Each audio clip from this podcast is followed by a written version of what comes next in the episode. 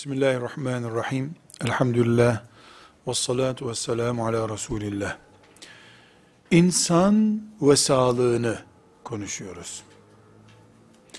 Dolayısıyla insanın Halik'i olan Allah'ı unutarak başlayamayız.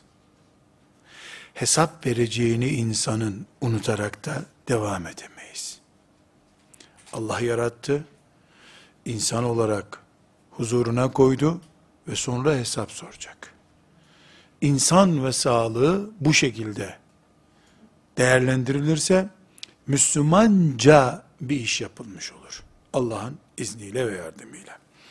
Buna göre biz şöyle hızlı bir tadat eskilerin deyimiyle sıralama ve sayma yaparak insan ve sağlığını nasıl görmemiz gerektiğini maddeleştirebiliriz. Bir, sağlık Allah'ın imandan sonraki en büyük nimetidir. İman kadar bir nimet olmaz çünkü iman yoksa maazallah o beden ateşte yanacak. Cehenneme kütük büyütmenin ne manası var? İman bir numara. Ondan sonra sağlık en büyük nimet. Bu sağlığın en büyük nimet olduğunu iki boyutu bulunan bir cümlesiyle Peygamberimiz sallallahu aleyhi ve sellem bize açıklıyor. Bukhari'nin 6412. hadisi Resulullah sallallahu aleyhi ve sellemin bütün insanların kulağında küpe olması gereken nasihatini içeriyor. Anneler, kendileri ve çocuklarının bu hadisi şerifi bilerek yaşamalarını sağlasalar, aynı şekilde muallimler sağlasalar, sağlığa en büyük yatırımlardan birisi yapılmış olur. Bu meşhur hadisinde Peygamber Efendimiz sallallahu aleyhi ve sellem buyuruyor ki, iki nimet var ki, insanların çoğu bunların kıymetini bilmezler. Sıhhat ve boş vakit. Şimdi sizler kaç yaşındaysanız, ömrünüzün gerisine dönün, bakın ne kadar boş vakti boşa harcamışsınız. Onları dolu harcamış olsaydınız bugün ne konumda olacaktınız? Sıhhat ne kadar elimizden zarar görmüş. Evet, genç yaşlarda insanlar o terli terli topun peşinde koşmanın zararını anlayamıyorlar. Yaşlanınca ortaya çıkıyor.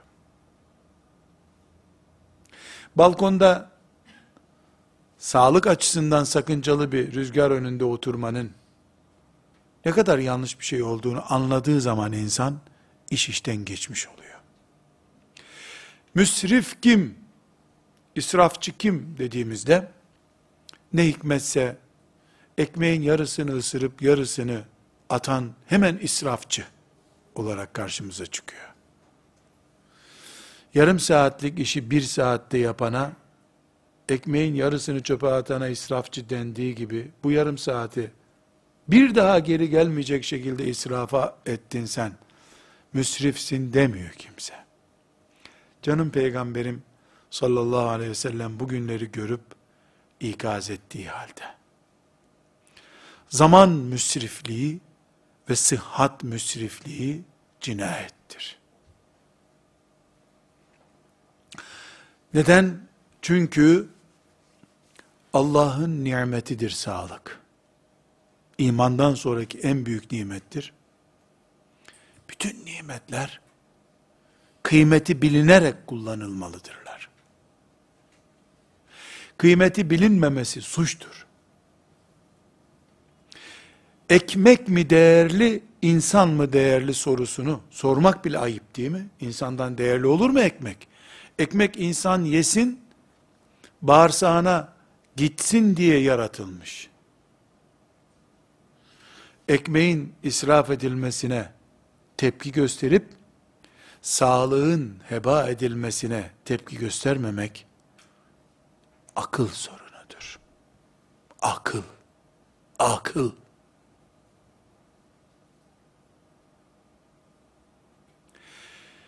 Sadece örnek olsun diye, tıbbi bir müdahale olarak anlamayınız bunu. İnsanların saçında kullandıkları jöleyi üreten, böyle büyük bir tesis kurmuş olan bir insanla bir sebeple görüştüm. Görüşmem gerekiyordu. Muhabbet açıldı. Ne kadar jöle satıyorsunuz filan dedim. Yetiştiremiyoruz dedi. Ben de bu ne için kullanılıyor? Sağlıkla ilgisi var mı dedim. Yok dedi. Saçlara şekil veriyorsun dedi. Spikerler bir ara saçlarını böyle şekillendirdiler. Meşhur oldu. Yetiştiremiyoruz dedi. Doğaçlama bir soru sordum. Dedim ki bu jöle kullanıldığında saç dökülmesi dahil sağlık açısından deri kanseri vesaire bir sakıncası var mı hiç araştırdınız mı dedim. Ciddi bir şey araştırmadım tüketiliyoruz dedi. Yasak olsa Sağlık Bakanlığı söylerdi herhalde dedi. Ama benim kanaatim dedi gece başını yıkayarak jöleyi gidererek yatarsa sakıncası olmayacağını zannediyorum dedi. Demek bir şeyler biliyor ama ayrıntıya girmiyor. Peki üşenir de saçını yıkamadan yatağa girerse, e olabilir saç dökülmesi yapabilir ileride. Bu satışı yetiştirilemeyen bir nesne. Ekmek peynir gibi denirdi eskiden çok satılan şey için. Ekmek peynir gibi satılıyor. Sadece birisi bakarken benim saçımı şu şekilde görecek diye gelecekte kel kalmama sebep olacak bir şeyi kullanırım da buna akıllılık denebilir mi? Birbirlerine iyi görüntü vermek için insanlar sağlıklarıyla oynayabilirler mi? Sadece iyi görünmek. İyi görünmek, iyi yaşamaktan daha mı iyidir? Demek ki bir nesil geldi ki, bu nesil ne yazık ki, kendi sağlığının da kıymetini bilmiyor ve değerli tutmuyor. Bu sebeple biz insan ve sağlığını Allah'la başlayan ahirette hesabı verilecek olan bir süreç olarak görelim istiyoruz. Böyle görürsek sadece işte karnım ağrıdı onun için bunu yemeyeyim diye değil Allah'ın hesap soracağı bende emanet olan bir sağlık benimdir diye bakarız olaya. Müslümanın doktoru da Müslümanın sağlığa bakan Müslümanı da budur işte. Böyle düşünün. Bunun için her zaman Müslümanlık sağlık kültüründen bir adım ileridedir. Sakın bana niye o zaman Müslüman olan filan kitleler şu sağlık sorunu yaşıyorlar demeyesiniz. Biz Müslümanlıkla Fransız sömürgesi altında 200 senesi geçmiş, şimdi yaşam mücadelesi veren Afrika'daki filan kitleyi kastetmiyoruz. Müslümanlıkla Resulullah sallallahu aleyhi ve sellemin Medine'de kurduğu medeniyetin ilk neslini kastediyoruz. Biz sağlıkta sorun yaşadığı gibi o kitlelerin Müslümanlıkta da sorun yaşadıklarını görüyoruz.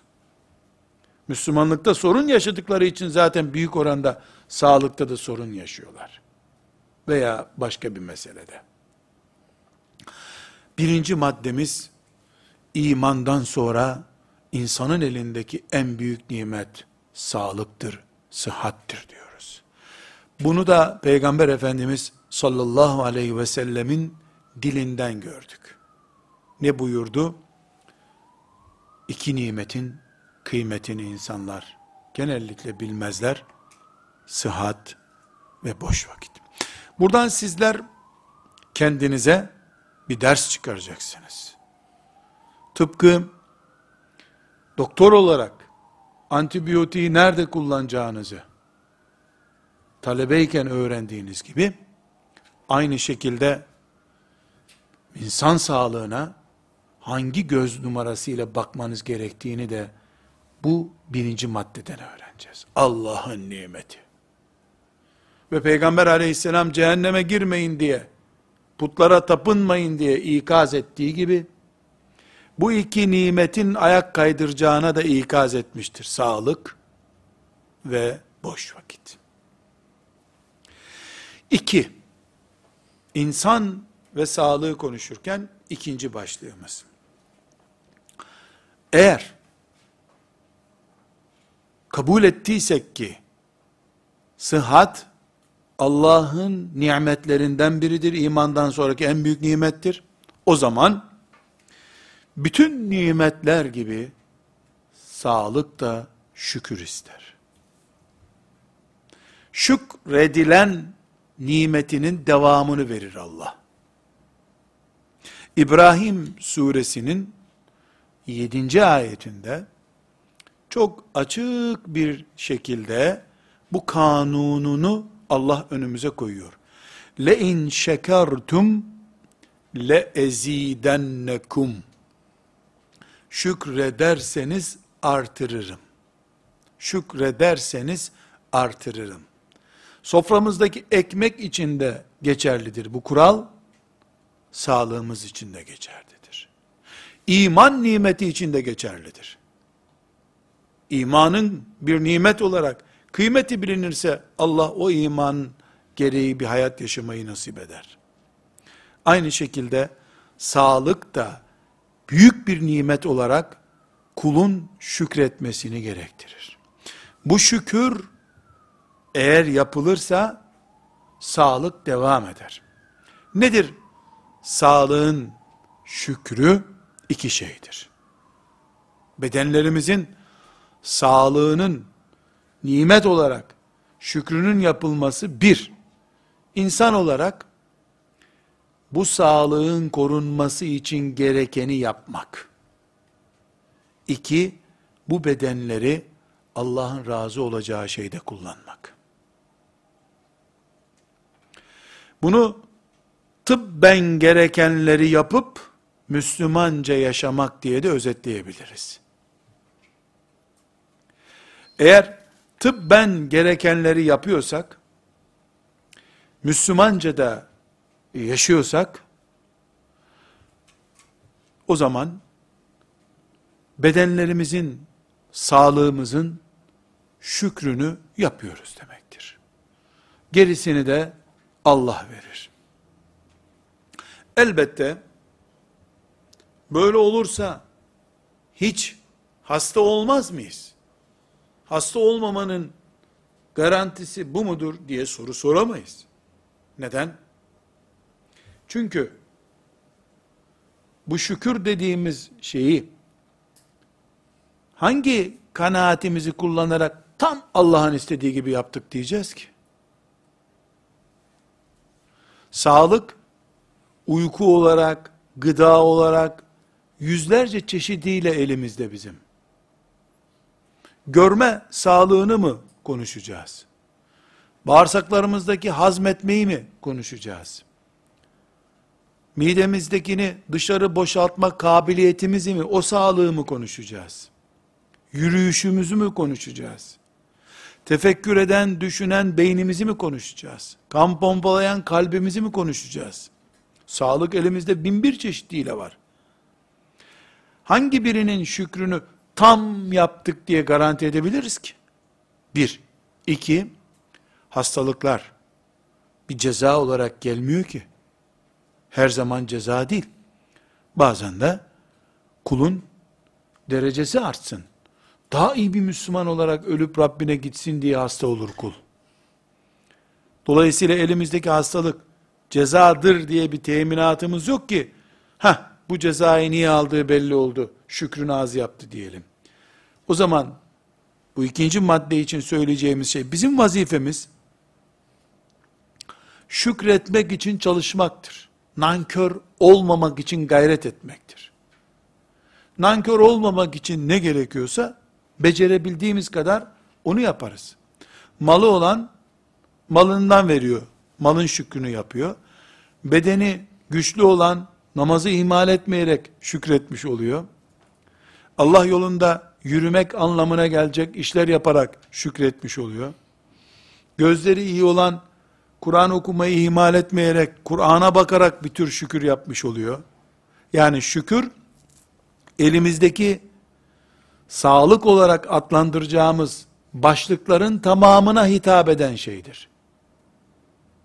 Bunu bu şekilde anlıyoruz. Üçüncü başlığımız gıda meselesidir. İnsanı sağlığı açısından değerlendireceksek ve bunu Müslümanca yapacaksak gıda başlığı açmamız gerekiyor. Evet, gıdayı ayrıntılı bir başlık olarak başka bir derste konuşacağız. Ama burada gıdanın iki özelliğini konuşmamız gerekiyor. Helal ve temiz olacak, bedenin ihtiyaçlarına göre olacak. Buna dengeli gıda da diyebiliriz. Neden? Helal ve temiz ve bedenin şartları korunmuş olarak, gözetilmiş olarak tüketilen gıda, daha önce sözünü ettiğimiz Allah'ın emanetini taşıyan Müslüman insanın ayakta kalmasının birinci nedenlerindendir. Birinci derecede insanı ayakta tutan şeydir gıda. Gıdanın temiz, yararlı ve helal olmadığı bir ortamda sağlıklı insandan söz edemeyiz. Sağlıklı insandan söz edemediğimiz sürece Allah'ın emanetini koruyan insan yoktur. Bunun için bir sofradaki gıda bizim Müslümanlığımızla birinci dereceden bağlantılıdır. Haram helal olmasından önce Müslüman olarak benim ayakta durmam, yakıtım, enerji kaynağımdır gıda. Sağlık gıdadan geçiyor. Tıp burada sadece temiz açısından, hijyen açısından bakabiliyor. Ve bir de işte öğlen öğünün şu olsun, sabah kahvaltısında şunu ye diyebiliyor. Sana şu dokunur diyebiliyor. Biz buna Müslüman penceresinden helal maddesini de ilave ediyoruz. Helal olmadıkça gıdanın gıdalığı yoktur. Helalle kastımız sadece domuz eti olmasın, alkol olmasın değildir. Edinim yöntemi açısından da helal olması gerekiyor. Müslümanın kursağı berraktır. Ne Allah'ın yasak ettiği bir nesne vardır, ne de Allah'ın ona ait olduğuna dair helal etmediği bir şey bulunabilir kursağında. Hatta ve hatta değil direkt çalma, çırpma, ezme yöntemiyle elde edilmiş haramlık, şüpheli bir şey bile Müslümanın kursağından geçmez. Geçmemelidir. Geçemez. Filanca yedi, zehirlenmedi, o zehir başka yerde belli olacak zehirlenip zehirlenmediği. Demek ki insan deyince üçüncü başlığımız gıda sorunudur. Birinci başlığımız neydi? Sıhhati Allah'ın nimeti olarak görüyoruz. Birleşmiş Milletler'in bağışı değil bize. Allah'ın nimeti. İki, bütün nimetler gibi sıhhat de şükür zorunluluğu gerektiriyor. Ve bunun bir boyutu var. Üçüncüsü, insan gıda ile enerjik bir şekilde ayakta durabiliyor. Madem insan ayakta tutan şey gıdadır, o zaman gıda muhakkak İslam standardında, Müslüman karakterinde olacak, helal olacak, temiz olacak ve o bedene yarayacak dengede olacak. Bunun için mesela tulum peyniri, çarpıcı bir örnek olsun. Tulum peyniri yenebilir mi, yenemez mi? Tulum peyniri doktor tuzlu nesneyi ağzından koymayacaksın dediği dakikada haramdır. Bitti, daha yiyemez. Misal olsun diye söylüyorum. Ee, zaten biz hiçbir zaman reçete yazmıyoruz burada.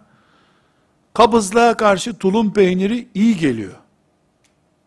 Diye bir tecrübe varsa ortada, denenmiş olduğu için veya laboratuvar sonucu olduğu için tulum peyniri farzdır. Para verip alıp yiyeceksin o zaman. Tedavi nesnesi oldu çünkü bu. Herhangi bir peynir için, herhangi bir gıda için hüküm budur. Madem Müslüman olarak ben ayakta durmalıyım. Allah'ın emanetini taşıyorum. Ayakta durmam için mideme gıda inmesi gerekiyor. Bu gıda benim için kesinlikle standartları İslam'dan gelen bir sorundur. Bir ihtiyaçtır duruma göre. Bu böyle ise eğer doktorun tulum peyniri yasak dediği bir insan gider inadına sanki doktor ona az yeme çok tulum peyniri demiş gibi gider tulum peyniri yerse sonra da hastaneye kaldırılırsa maazallah orada da ölse öyle cenazesinde iyi adamdı demekle iyi olmuyor. O günahın suçun boyutuna göre intihar etmiş de olabilir. İntihar eden de zor cennet yüzü görür. Bu sadece tulum peyniri diye çarpık böyle bir örnek olmaz. Tıbbi bir boyutu yok bunun hiç duymadım. Ama sigara deseydim bundan rahatsız olan doktor da olurdu kendisi de içtiği için belki. Bunu sigaraya uyarlayalım. Nargileye uyarlayalım. Sadece yöresel yiyecektir diye filanca turşu çeşidine uyarlayalım. E dedelerimiz bununla yaşarlardı. Doğru. Deden bir kova turşu yiyordu. Ondan sonra da e, öküzden daha fazla çalışacak kadar tarlada çalışıyordu. Turşu değil, demir de yese eritirdi onu. Sen masada oturuyorsun. Köy kahvesinde oturuyorsun akşama kadar. Yani ona zarar olmayan şey sana zarar oldu. Ya da o çok organik bir nesnelerden turşu yapıyordu. Sen asitle turşu yapıyorsun. Demiri eritecek nesneden turşu yapıyorsun çabuk turşu olsun diye. Yani kimse insan sağlığını dedelerimiz bunu yerdi diye savsaklayamaz. Hiç kimse gıdayı sağlığın birincil e, destekçisi olduğu halde ikincil bir dereceye düşüremez. Gıdanın farz olanı olur, haram olanı olur, mubah olanı olur, bu boyutlandırması ile beraber. Dördüncü başlığımız insan ve sağlığını konuşurken, dördüncü başlığımız sudur. Su. İnsan ve insan gibi canlılar hep sudan yaratıldı. Cealna minel ma'i kulle şeyin hayy buyuruyor Allah. Her şeyi canlıyı sudan yarattık Allah böyle. Su aslımız bizim. İnsanın vücudunda çok yüksek oranda su var. Sıvı dediğimiz zaman daha yüksek bu oran şüphesiz. Çok sulu ve sulak bir mahlukuz. Dolayısıyla su ile bağlantımız insan sağlığı ile ilgilidir. Biz insanı konuşurken tüketim, gıdada tüketim nesnesi olarak suyu ve sıvıyı, sağlıkta gerekliliği açısından temizlik vesairede suyu, yaşamımızı oluşturan, oksijenden sonra belki ikinci ihtiyaç kaynağımız suyu, insan açısından gerekli olarak tefekkür ediyoruz. Peygamber aleyhisselam efendimizden çarpıcı bir örnek, ahlak peygamberi olduğu halde, çok narin dilli bir peygamber olduğu halde, bakın ashabının içinde sizden biriniz, gidip de akan nehir gibi olmayan bir suyun kenarında idrarını yapmasın buyuruyor. Ya bu, bunu söylemeye gerek var mı? Var tabi. Çocuğunu yaptırıyor, kendisi yaptırıyor. Doğanın kirlenen suyu insanın kendisine yapılmış bir hakarettir. Su azaldıkça, su kirlendikçe insanın sağlığı zarar görüyor. Kur'an-ı Kerim insanoğluna Allah'ın tehditlerini hatırlatırken bir gün su bulamazsanız ne yaparsınız Allah buyuruyor. Suyunuzu çekersek ne yapacaksınız diyor. E deniz suyu içeriz diyeceksin. E onu çekmez mi Allah? Deniz daha kolay çekilir. Bu sebeple sağlık ve su belki de gıdadan önce düşünülecek kadar hassas bir konudur. İleride inşallah su ve sağlık açısından da bir ders daha yapacağız. Suyun tüketimi vesairesini ayrıntılı bir şekilde konuşacağız. Yani susuzluğun, su tüketimindeki hataların sonuçlarının sağlığı direkt etkilediğini, sağlık etkilendiğinde insanın insanlık boyutunun darbe yediğini, o zaman da Allah'a kulluk ve yeryüzünü Müslümanlığın hizmetine koymanın oluşmayacağını oturtacağız inşallah. Beşinci başlığımız, temizlik konuşulmadıkça insan sağlığını konuşamayız.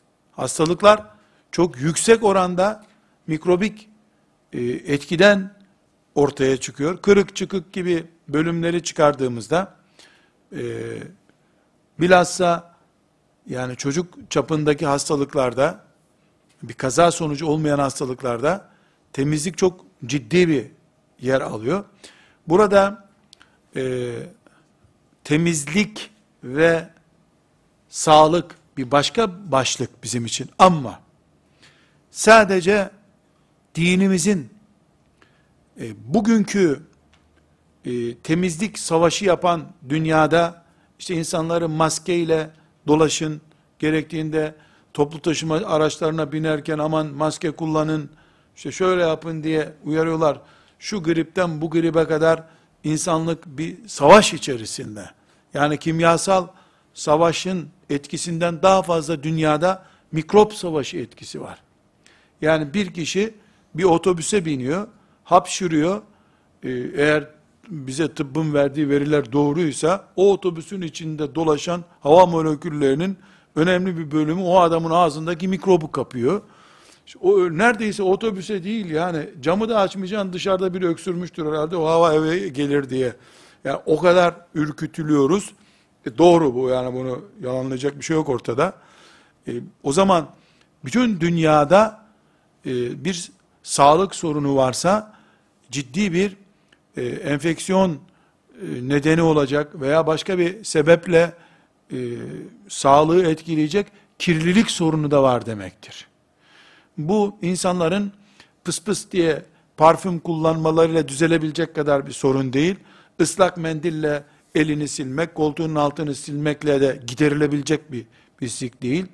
Yani ciddi bir temizlik anlayışı var. Bu temizlik anlayışını bugün insanlık işte uçakla ilaçlama yaptık şehirlerde koleraya karşı filan diyerek beni dinimin ilerisine geçtiğini ikna edemezler.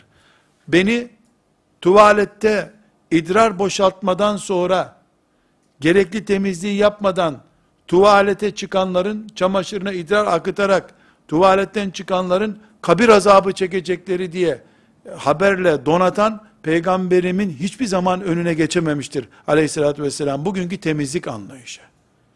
Öyle e, elektronik cihazlarla temizlik yapmakla olmuyor bu işler. İnsanlığın tuvalette idrar temizliğini din konusu yapan peygamberim var benim sallallahu aleyhi ve sellem. Bir kabrin önünden geçerken şu adam burada azap görüyor diye iki kişiyi gösteriyor. Bir tanesi o azabının nedeni olarak kabirde yanıyor adam. Niye yanıyor sorusuna verdiği cevapta idrarına dikkat etmez damlatarak gezerdi diyor. Temizlenmeden tuvaletten çıkıyordu diyor. Bugün e, idrar yani insan e, ifrazatının kirliliği ve bu ifrazat organlarının iyi temizlenmemesinin, taharet kültürünün oluşturmamasının ortaya çıkardığı e, mikrobik vakalar gösteriyor ki temizlik konusunda da insanlığın kat edeceği çok mesafeler daha var. Öyle girdiğin arabada hemen parfümlü bir kokuyla tertemiz oluyor. Misafir gelmeden hemen plastik e, e, kokuları evin içerisine yayıp misafir gelince evi temiz görsün. Maşallah portakal bahçesine geldik zannediyorsun. Yok fıs fıs yapılmış. Fare zehiri gibi saçılmış. O da ayrı bir sorun tabi. Ev tertemiz ama portakal bahçesi kokuyor mübarek ev. Mandalina bahçesine geldin zannediyorsun. Yapay. Onun yerine evin camını açıp şöyle beş dakika temiz hava girsin deme kültürü yerine sık portakal koksun, sık kavun koksun, sık domates koksun. Neyse sen kokutuyorsun zaten. E, kirletmemek, kirlenince de doğal yöntemlerle temizlemekse peygamber terbiyesidir. Aleyhissalatü vesselam. Ashabını o şekilde yetiştirmiştir. Tuvaletten başlıyoruz. Tuvaletten başlıyoruz. Ondan sonra da mescitte veya Müslümanların gezeceği yerde tükürüp balkam atan birine yaptığı tehdide bakıyoruz. Nasıl sen Müslümanların gözünün teması olacağı bir yerde balkamını atarsın diye tehdit ettiğine bakıyoruz Müslümanı. Elhamdülillah müthiş dinimiz var. Müthiş bir dinimiz var. Büyük bir peygamberimiz var. Olağanüstü denecek çapta bir yüksek medeniyetimiz var. Allah'a hamd ediyoruz. Medeni bir diniz, medeniyetimiz göklerde başladığı için yerde başlamış, New York'ta başlamış medeniyetler göklere yükselmedikçe bizim medeniyetimizin seviyesine gelemezler. Gelemezler. Çünkü bu medeniyet idrarını, çamaşırını akıtıp akıtmadığınla ilgilenmez. Dışarıdan senin çamaşırını ıslak görmeyelim yeter medeniyetidir. Benim medeniyetim ise çamaşırın içini bile kontrol eden medeniyettir. Çünkü levh-i mahfuzda yedinci kat göklerde kuruldu bu medeniyet. Yeryüzünden oraya doğru çıkılmaya çalışılıyor. Ama benim medeniyetim güneşin yeryüzünü aydınlattığı gibi Allah'ın lütfu ve keremiyle insanlığı yükseltiyor. Temizlik bunun sadece bir boyutudur. Ayrıntılarına girdiğimizde inşallah temizliğin tıp açısından şeriatımız tarafından nereye oturtulduğunun ayrıntısına girdiğimizde elhamdülillah yüreğimize cennetten gelmiş sular serpilecek Allah'ın izniyle. Altıncı boyutu insan ve sağlıktan konuştuğumuz zaman altıncı boyutu elbise boyutudur. İnsan ve elbise ta cennet zamanına dayanan bir sorundur. Burada küçük bir dipnot olarak e, zikredebiliriz. Elbisenin de bir tıp boyutu var. Yani ona gireceğiz. Bunların, bu saydığım maddelerin her birini müstakil bir ders başlığı olarak inşallah işleyeceğiz. Allah ömür verir, sıhhat ve afiyet ihsan ederse işleyeceğiz bunlar. Ama sadece e, bir ipucu olarak bunları zikrediyorum. Sentetik giyinenle pamuk giyinen arasında dekor farkı vardır. Ama pamuk giyinenin, yün giyinenin sentetik giyinene göre sağlığı da farklıdır. Al benili değildir, yaşa yaşayabildiğin kadardır. Pamuk giyinenin. İnsanlıksa, ütüsü kolay olduğu için ve akşama kadar bozulmadığı için, neredeyse alüminyum elbise giyecek. Yani sentetikten de hızını alamadı. Şaşırmasa, yani alüminyum giymiyorlar ama düğmeleri, yakalıkları filan alüminyum olmaya başladı.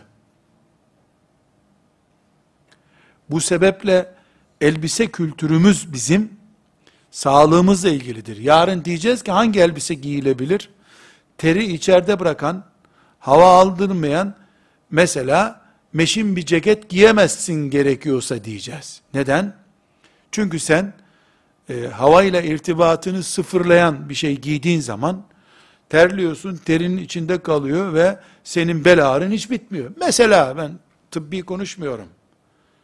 Eğer sana doktor ya şöyle nefes alacak bir kıyafet giysen yanlış giyiyorsun diyorsa sen e, o zaman sert meşin bir ceket giyemezsin. Öyle bir hırka giyemezsin. Elbisenin de tıbba uygun olanı olmayanı var. Eğer kot pantolon çok dar olduğu için insanın üreme organlarına uzun vadede zarar veriyor diye bir doktora tezi yapıldı ve tıpça bu tespit edildi, tartışıldı, tez olarak kabul edildiyse, kot pantolon veya onun gibi dar bir pantolon haramdır. Çıplak gezmek gibidir. Neden? E çünkü tesettür, kıyafet, erkek veya kadın için, insan sağlığına hizmet etmediği sürece, aksine insana negatif sonuçlar getirdiği zaman, hiçbir şekilde kullanılır bir şey değildir. Elbise de insan sağlığıyla ilgilidir. Burada dipnot açmak istiyorum. İnsanoğlunun ta cennet zamanlarına dayanan sorunlarından bir sorundur bu elbise sorunu. Adem aleyhisselam babamız aleyhisselam cennette şeytanın sözüne aldanıp o sözden dolayı Allah'ın gazabını üzerine çektiğinde Kur'an'ımız diyor ki ilk ceza olarak avretlerini açtık. Üzerindeki elbiseler düştü.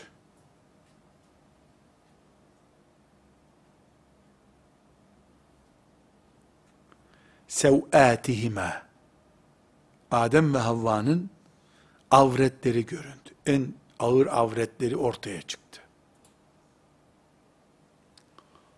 Yani avretleri göründüğüne göre demek sırtındaki yelekler de düştü zaten otomatik olarak. İblis insan üzerindeki operasyonlarında ilk başardığı şey avreti açmaktır. 124 bin peygamber geldi, insanı avretini kapatacak mücadeleye soktu. Avretini kapattı. Teknoloji çağında iblis bir kere daha ilk cezaya çevirdi insanoğlunu. Avretini açtı. Elbisenin sağlık boyutu da var, insanın tarihinde böyle bir geçmişi de var. Bunu da bir kenara koymamız gerekiyor. İnsan ve sağlığı açısından. Ama müstakil başlık olarak ileriki dönemlerde inşallah bunları ele alacağız. Tıp ve elbisenin şeriatta durduğu yeri konuşacağız inşallah. Yedinci başlığımız insan ve tıbbı konuştuğumuz zaman yedinci başlığımız evlilik başlığıdır. Tıbbın en yoğun bölümü ya da en rutin bölümü diyeyim daha güzel olur.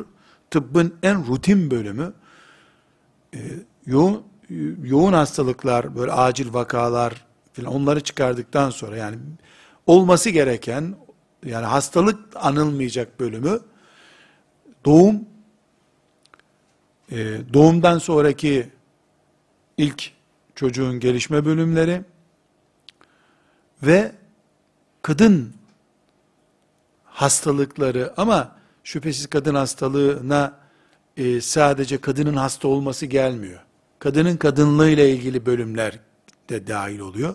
Bunlar tıbbın en yoğun bölümleridir. Dolayısıyla kadın hastalıkları, yani jinokokların yaptığı işler veya ebelerin yaptığı işler, tıbbın bu boyutu evlilikle ilgili bir boyut, büyük oranda. Büyük oranda evlilikle ilgili. İnsan ve sağlığı konuşulduğunda evlilik konuşulması gerekiyor. Hepimiz evlilik deyince evliliğin insan sağlığı açısından gıda kadar değil belki, su kadar da değil ama elbiseden daha fazla insanla ilgili olduğunu söyleyebiliriz. Evlilik insanın devamı demek zaten evliliğin yokluğu insanın kökünün kuruması demektir. Evlilikteki kalite ahlak açısından, biyolojik açıdan, süreklilik açısından evlilikteki kalite insanın kalitesidir. İnsanın devamındaki kalitedir. Evlilikte oluşan her sorun, evlilikte ortaya çıkan her problem, insanla ilgilidir. Bunu biz sadece karı koca ilişkileri olarak yani karı kocanın geçinememesi veya iyi geçinmesi başlığında görmeyelim. Karı kocanın karı kocalıkları diye bir başlık açalım biz. Evlenirken kan uyumu, çocuk uyumu, bir de karakter uyumu ki psikiyatriye baktığımızda eğer tıbbın bölümü kabul edeceksek çok uzaktan da olsa psikolojiye baktığımızda insan karakteri evlilikte ciddi bir sorun. Karakter uyuşmazlığı kan uyuşmazlığından daha tehlikeli.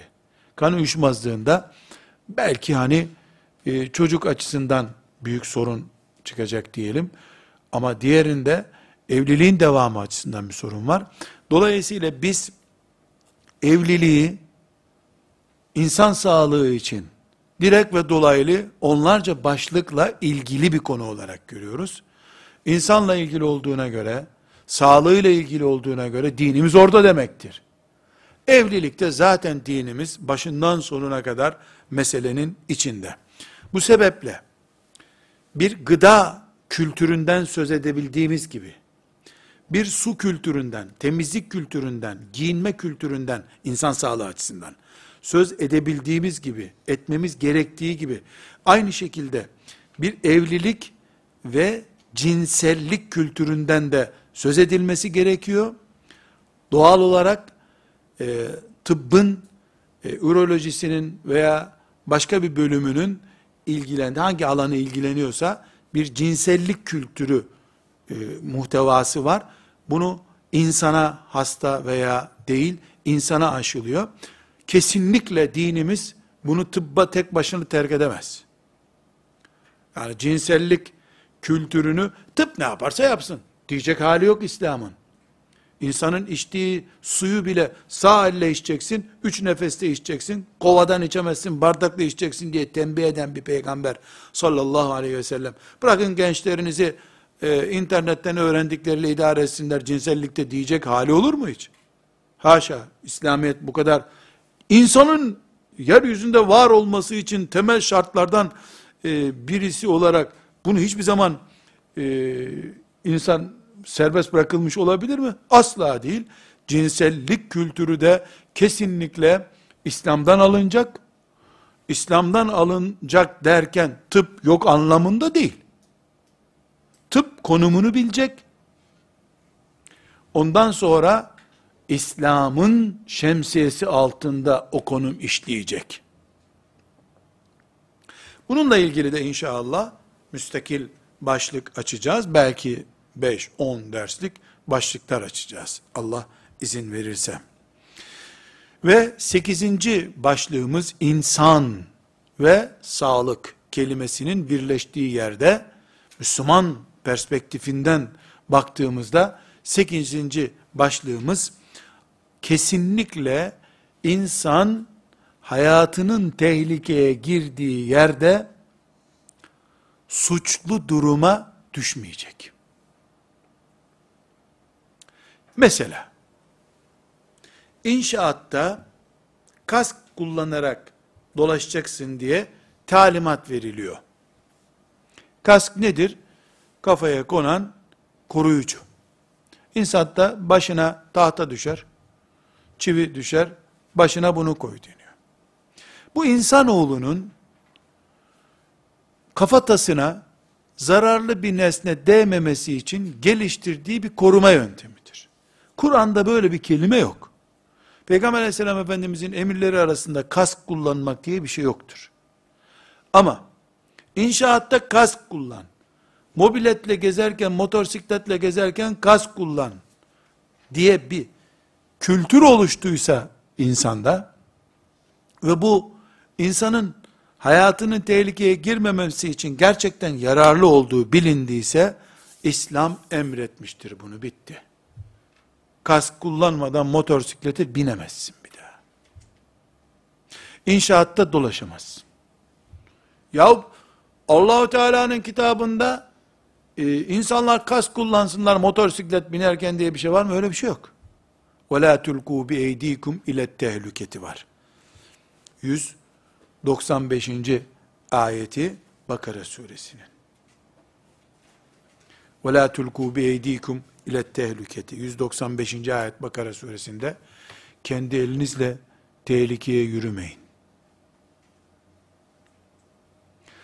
Bu aynı zamanda araç binenlerin emniyet kemeri kullanması gereken koltukta oturuyorsa, o emniyet kemerini kullanmasının da Allah'ın emri olduğunu gösteriyor. وَلَا تُلْقُوا بِاَيْد۪يكُمْ اِلَى التَّهْلُكَةِ Kendi elinizle tehlikeye gitmeyin. Tedbir alın demektir. Bu, Peygamber aleyhisselam efendimizin bize bizzat emretmiş olmasını gerektireceği bir emir değildir. Canımızı koruma diye bir emir vermiştir bize o. Sağlık senin değil Allah'ın emanetidir. Diye bir emir vermiştir o. Herhangi bir şekilde bu emanete hıyanet sayılacak bir iş yapamaz Müslüman. İlaçta kullanamaz, ağır yükte kaldıramaz, eğer tabi sakınca boyutu varsa, zararlı bir spor yapamaz, doktor merdiven çıkmayacaksın dediyse çıkamaz, sekizinci katta oturuyor, asansörde sık sık bozuluyor, doktor da sana biz e, damar değiştirdik, bu değiştirdiğimiz damarlar merdivene müsait değil, dedi, o da asansörle oturuyorum diye sakınca bulmadı, sekizinci katta oturuyor, sık sık da asansör bozuluyor, haftada 2-3 gün o merdivenleri inmek ve çıkmak zorunda kalıyor.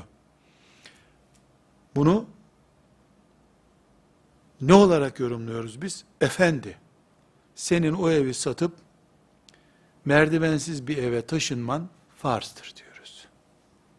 Bize çıkıp gelip ya Peygamber Efendimiz birinci katta oturun diye emir buyurmuş muydu dese dinlemeyiz o sözü. Kaçıncı katta oturacağımıza din karışmaz. Doktor sana 8 kat çıkamazsın sen. Hatta 2 kat çıkamazsın dediği zaman 2 katlı bir evde oturmayacaksın o zaman. Asansörü bozulmayan bir evde oturacaksın. Bu sadece bir örnek. Bunun üzerinden yaşadığımız hayatta binlerce örnek bulabiliriz. Binlerce örnek bulabiliriz. Mesela çok daha basit bir örnek vereyim. Psikoloğa gidiyor insan. Diyor ki, ben şöyle bir şikayet taşıyorum. Nedir o şikayetim? Ya bu dünya yaşanmaz hale geldi. Dünya el bombasına döndü, patlayacak herhalde. Psikolog onun derdini dinliyor, notlar tutuyor. Diyor ki ona, psikolog, efendi, senin üzerinde yaptığım soruşturmadan anladım ki sen çok fazla haber dinliyorsun. Bir yerde bir trafik kazası oluyor. Sen 10 tane televizyondan onları hep dinliyorsun. Bütün arabaları canavar görmeye başladın. Sonra terör olaylarını dinliyorsun. Herkesi katil görmeye başladın. Senin haber bültenlerinden uzak durman lazım. Üç ay hiç haber izleme. Varsa git köyünde otur. Akşam başka işle meşgul ol. Bu adam eve geliyor. E psikolog uzman biri mi? Uzman biri. Ona kahvede bir arkadaşı haber dinleme sen demiyor ki. Sorun yaşıyor. Bu sorunu uzman diye ona gösterilen birisine anlatıyor. O da sen çok haber izliyorsun diyor. Çok haber izliyorsun sözü izlememeni gerektiğini ortaya koyuyor. Bu akşam eve gidip İslami bir televizyon kanalıdır diye açıp bir televizyondan haber izlese, açıp da fare zehiri yiyen bir insan gibi suç işlemiş olur. Allah tehlikeye atmayın kendinizi. Bile bile tehlikeye düşmeyin derken, inşaatın dördüncü katından atlamayın da demişti. Fren sistemi tutmayan bir arabayla yola çıkmayın da demişti. Delinmiş bir gemiyle deniz yolculuğu yapmayın da demişti psikolojinizi delirtecek haberleri izlemeyin de demişti. Çünkü neden? Doktorun senin çok haber izlemenden kaynaklanıyor bu beyin rahatsızlığın demesi veya psikoloğun uzman biri olarak ona inşaatın dördüncü katından atlama demek gibi oldu. Yahu bu haberlere bir bakalım dünya çöküyormuş uzakta sen haberleri dinleyeceksin ama sen haber konusu olacaksın bir gün Bir yerde intihar edeceksin, haber konusu olacaksın. Dinimiz Kur'an'ımızda bize 5000 tane sağlık reçetesi dizmiyor. Temelleri koydu. Bir kelime kullandı Allah. وَلَا تُلْقُوا بِاَيْد۪يكُمْ اِلَى التَّهْلُكَةِ Tehlikeye atmayacaksınız kendinizi. Bundan görüyorsunuz ki 500 tane başlık çıkıyor. E psikologlar sana şöyle derse diye bir ayet olması gerekmiyor Kur'an'da. Kur'an bir defa ne demişti bize? Feselu ehle zikri. Uzmanına sorun demişti. Gittik uzmana sorduk. Uzman sen tehlikeye atıyorsun kendini dedi. Öbür ayette de وَلَا تُلْقُوا بِاَيْد۪يكُمْ اِلَى tehliketi. Bile bile kendiniz tehlikeye atmayın dedi. İki kelimecik, iki küçük cümle Kur'an'da var.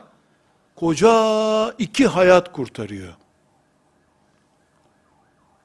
Tıpta böyledir. Yüz tane hasta üzerinde teşhis yapılıyor. Ondan sonra o hastalığın ilacı konuyor. Bütün hastalar denek olarak kullanılmıyor ki. 100, 200 ne kadarsa bir hastane ne kadar hasta geldiyse talebe onları ya görüyor ya görmüyor ve hastalığın çeşidini öğreniyor. Kulağıma gelen ses şuysa su toplamış ciğer diyor. Bitti. Röntgeni çektir. Ciğerini de iskiye mi aldıracaksın, nereye aldıracaksın, e, suyunu aldır. Tamam. Tedavi ettiriyor. Ama Kur'an'ımız tıp kitabı değil. Eczane ilaç listesini ihtiva eden bir kitap değil. Ne kitabıdır? Temel kuralları koyan kitaptır. Tıbbı Allah'ın nimeti olarak görür. O nimetin sana tavsiye ettiklerini de şu kurala göre uygulayacaksın der. Kur'an'da iki cümle yeterli bizim tıptan hizmet almamız için. Biz Müslümanız elhamdülillah. Kitabımıza göre yaşıyoruz. Kitabımız da bunu tembih ediyor. Dolayısıyla 8. maddemiz insan ve sağlığını konuştuğumuz bir derste insan tehlikeye karşı tedbirli olmak zorundadır. Tehlikeye atlayan suçludur. Şu olabilir mi? Direkt intihar eden intihar ediyor. Geniş zamanda intihar eden ne olacak? Mesela silahla intihar eden intihar etti öldü diyoruz. 10 senelik bir hatalı uygulama üzerine mesela silah, sigaradan veya başka bir zehirli nesneyi tüketmekten dolayı intihar etmiş gibi olana ne diyoruz? Onu Allah bilir, kıyamet günü belli olacak. Ne deneceği onunla ilgili. Dokuzuncu başlığımız, dinimiz kesinlikle tedavi emrediyor. Tedavinin dini boyutuyla ilgili inşallah dersimiz olacak. Orada ayrıntılarını göreceğiz. Yani tedavi olmamızın boyutu nedir? Ee, tedavi olmazsak vebale girer miyiz gibi başlıkları inceleyeceğiz. Ama özellikle Efendimiz sallallahu aleyhi ve sellemin emri var. Ey Allah'ın kulları tedavi olun. Allah şifasını indirmediği hastalık indirmez buyurmuştur. Kendisi e, hasta sahabiler için filanca doktora götürsenize bunu diye nasihatte bulunmuş. Demek ki Medine'de doktor varmış o zaman. Herhalde önlüğü beyaz değildi. Muayenehanesinin kapısında da paspas filan yoktu. Öyle bir şey yok. Kim bir ağacın altında oturan bir adammış. Hurma ağacının altında oturuyordu. Gelen ona gidiyordu. Gide gele gide gele tecrübelenmiş ve doktor olmuştu. O zamanın şartlarında doktordu. E nasıl doktorluk yapıyorlardı? Sakın demeyesiniz. 5-6 çeşit hastalık vardı zaten. Şimdi 5-6 bin çeşit hastalık olduğu için doktorluğun da bin dalı oldu. İnsanoğlu gitgide tıpta büyüyor, hastalıkta büyüdüğü için. Hasta balonu şiştiği için tıp balonu şişiyor. 1400 sene önce sıtma vardı düşüp kırılıp yaralanmalar vardı. Bıçakla, kılıçla kesilmeler vardı. 50 çeşit hastalık yoktu. En yaygını, meşhuru Medine'de sıtmaydı. Mikrobik bir hastalık işte. Güneş çarpması oluyordu. Güneş çarpması hastalığı vardı. Ona karşı da böyle yoğun e, giyiniyorlar, tedbirler alıyorlardı. Hani hastalık da azdı, doktorun işi de azdı, doktor sayısı da azdı. Bir de bir şey daha var. Doğmadan aşısı başlamış bir nesil değildiler. Çaresiz kalınca doktora gidiyorlardı. İdare, idare, idare ettiler dediği şey bizde ameliyat konusudur şimdi. Üç kere ameliyat olur bizden birisi onların idare ettiği şeylerde. Ha yaşam tarzı oydu. Bu ne onlar için bir artı ne bizim için bir eksi. Onlara Allah öyle bir hayat takdir buyurdu. Bize de böyle bir hayat takdir buyurdu. Evet, bugünkü bu dersteki başlığımız neydi? İnsan ve sağlık birleşince, bu iki kelimeyi birleşirsek, üstünde Allah olması lazım o işin. Altında da insanın hesap vereceğine dair bir itikat olması lazım. Bu da bizim insan ve sağlığı farklı noktalardan Müslüman gözüyle nasıl gördüğümüze dair bir hassasiyet oluşturmuş oldu. Ve sallallahu ve sellem ala seyyidina Muhammed ve ala alihi ve sahbihi ecma'in velhamdülillahi rabbil alemin.